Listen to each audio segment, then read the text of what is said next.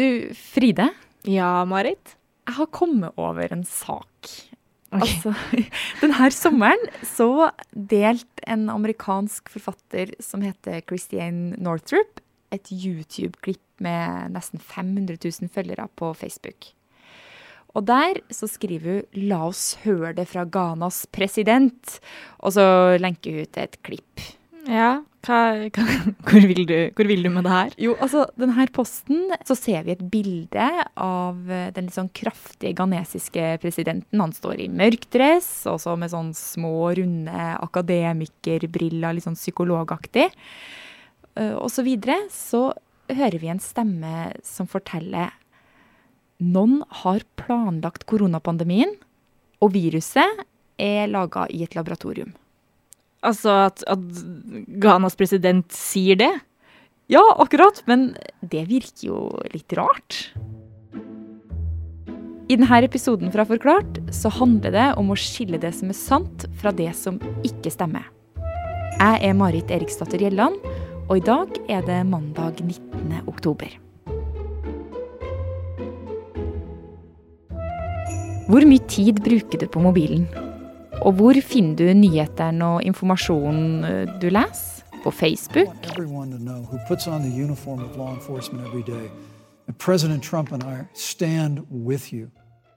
Eller YouTube? Den aller første gangen jeg fikk drapstrusler som anmelder, det var da jeg tok for meg et Star Wars-produkt.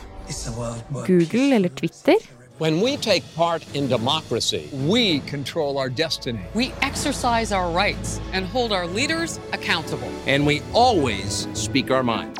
Rundt 70% av alle oss som har Facebook, leser nyheter der, ifølge en amerikansk undersøkelse. Men ikke all informasjon er til å stole på. Og særlig nå for tida, under korona når det, når det, oppstår sånt her informasjons- og kunnskapsvakuum i perioder, så er det ganske god grobunn for eh, å dele rykter og konspirasjonsteorier og eh, ting som ikke stemmer. Bente Karlsnes har skrevet bok om falske nyheter og forsker på det og sosiale medier. For det er da er folk på utkikk etter svar, og da er en kanskje litt mer mottakelig. Eh, også fordi at en er bekymra over situasjonen. Kanskje litt mer emosjonell når en søker etter den type informasjon. Now, a video making false claims about a coronavirus cure has been scrubbed from social media, but not before it was seen some 14 million times on Facebook alone.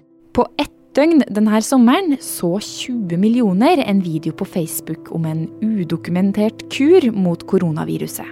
Videoen ble etter hvert fjerna, for det som ble sagt, det var ikke sant. Men informasjon som det her, dukker stadig opp. Faktisk så blir falsk koronainformasjon spredd fire ganger så raskt som sann informasjon fra Verdens helseorganisasjon. Sosiale medier er designa på en måte, særlig Facebook, der det kan være litt vanskelig å få med seg hva som er kilder til informasjon. Hva nettsted kommer informasjon fra. Og Det betyr at vi må passe litt ekstra på når vi scroller gjennom en uh, nyhetsstrøm, f.eks. på Instagram eller på, på Facebook. Um, hvis vi leser nyheter i redaksjonelle medier, så vet vi at de har gått gjennom redaksjonelle kvalitetsprosesser altså for å kunne verifisere informasjon og, og sjekke, sjekke, kildene. Og den garantien har ikke vi når vi tar til oss informasjon i, i sosiale medier. Når jeg scroller nedover Facebooken min, så er det jo mange nyhetssaker som dukker opp, og så mange andre saker som er kanskje fra litt mindre kjente nettsteder. Hvor vanskelig er det å finne ut om det som eh, dukker opp på skjermen din er sant eller troverdig? Som uh, mediebrukere, som mennesker, så har vi en uh, tendens til å ta til oss informasjon som på en måte bekrefter det verdensbildet vi har. At vi har en bestemt oppfatning av verden. Og det er kanskje lettere for oss å forholde oss til informasjon som bekrefter det bildet. Og da søker vi eh, i mange tilfeller mot den type kilde som, eh, som er på en måte litt enig med oss i hvordan vi ser på, på verden. Måten vi velger hva vi leser på mobilen, ligner sånn sett på hvordan du bestemmer deg for middagen i dag. Kan fort bli den gamle ferdigpizzaen, og sjeldnere noe nytt og spennende fra den nedstøva kokeboka i hylla. Spiser du mye mat uten å vite hva det er laga av, så risikerer du å få i deg mye som ikke er bra for kroppen. Og det samme gjelder for informasjonen vi sluker. Vår tid med en så eh, stor og aktiv digital offentlighet, det stiller enda krav til alle, uavhengig av alder, at vi er mer oppmerksomme. Og når alle kan produsere informasjon, også informasjon som ser ut som nyheter uten å være det, og det er så lett å manipulere både tekst og bilde og video, så betyr det at vi må følge litt ekstra med på det vi leser. Og hvordan du gjør det, og hva som egentlig skjedde med Ghanas president, det får du høre straks.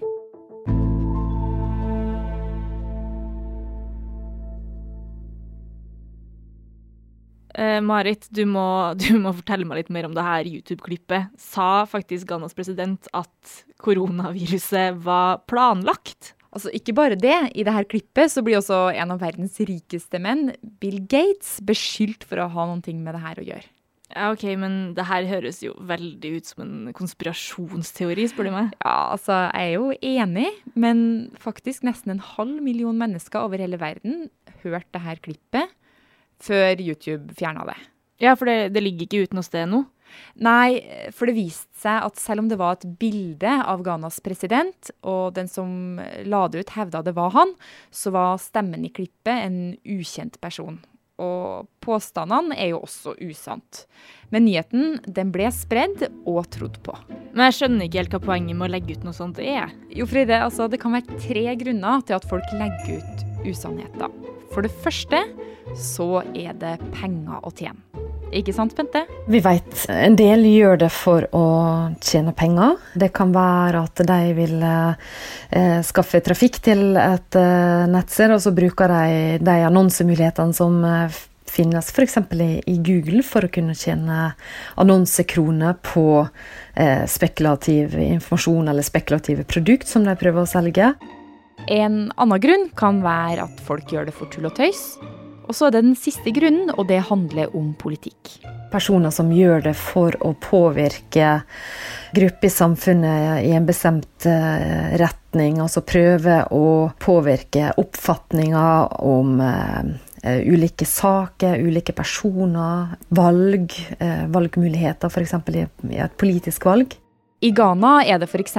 valg nå i desember, og myndighetene i landet tror det er grunnen til at falsk informasjon om presidenten og korona har blitt spredd.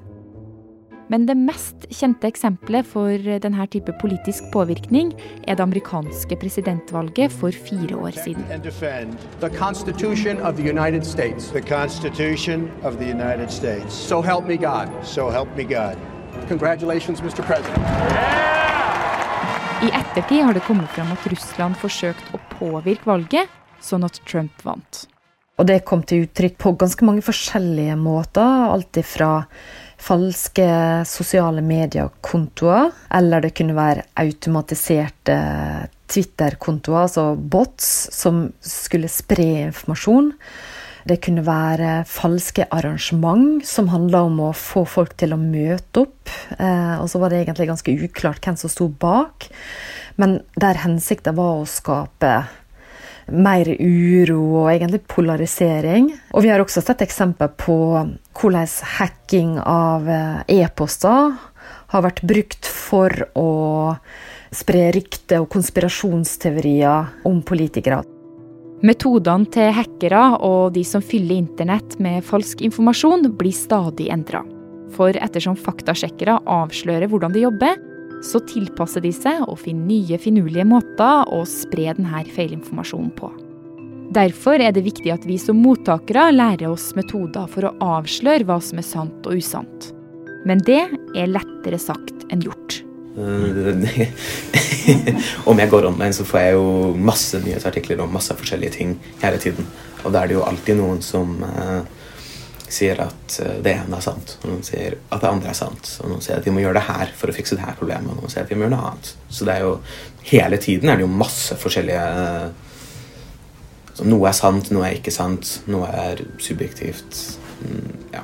Amund Rekkavik er 15 år og går på Morellbakken ungdomsskole i Oslo. En ny undersøkelse viser at norske elever som han er blant de dårligste i Norden når det gjelder å vurdere om de kan stole på det de leser, ser og hører. Vi har lært om det, bare at det vi har lært er ikke så Det har ikke vært så nyttig, syns jeg. Eh, Det er mer sånn eh, noe som sier seg selv. Altså ikke, ikke tro på alt du leser. Eh, Du bør, om det ikke er noen kilder, bør du tenke, bør du være litt mer kritisk. Og det Amund sier her, det er vi nok mange som kan kjenne oss igjen i. For at det står ting på nett som ikke er sant, det vet vi jo. Det er bare det at å sjekke informasjon er ekstraarbeid. Skal jeg si meg helt ærlig, så er det jo det er relativt få folk som orker å sjekke kildene hver eneste gang de leser noe online. Eh, og det er, jo litt, det er jo litt av det som er problemet. da, At du ser noe som virker som det kunne vært sant, og så orker du ikke å sjekke kilden. Vi har en tendens til, øh, når vi leser nyheter, så leser vi ganske fort. At vi scroller gjennom. Og særlig når vi leser i øh, nyhetsstrømmer i, i sosiale medier, enten det er Snapchat eller Instagram eller Facebook eller hva det er for noe.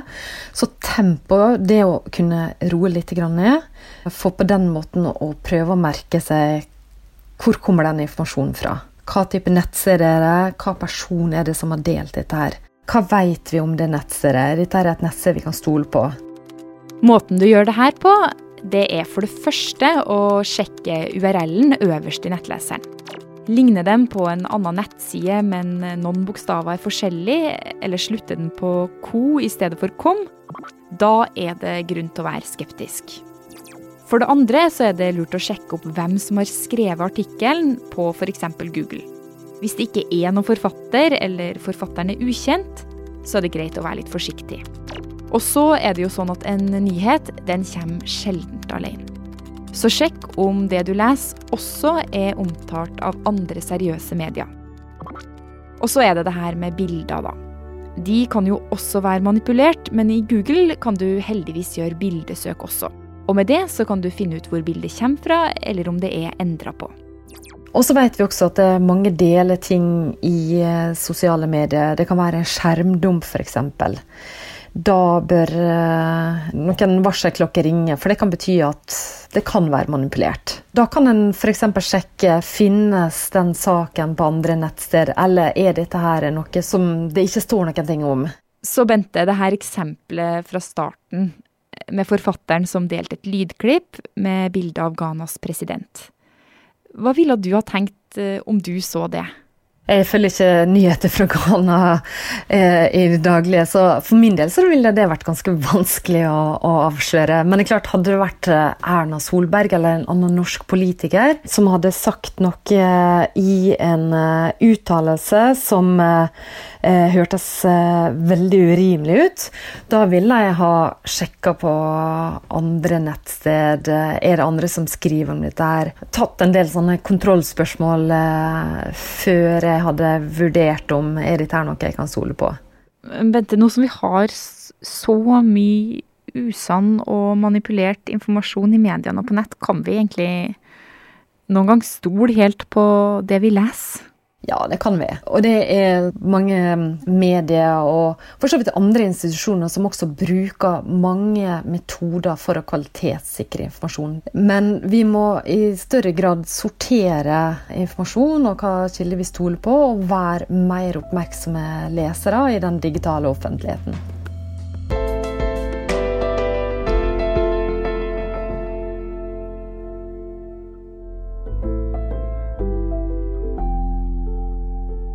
Denne episoden er laga av produsent Fride Næss Nonstad og meg, Marit Eriksdatter Gjelland. Journalist Marianne Stensland har også bidratt, og resten av Forklart er Karoline Fossland, Anne Lindholm og Andreas Bakke Foss. Du har hørt lyd fra Fox News, VGTV, CNN og Aftenposten-podkasten Serieprat.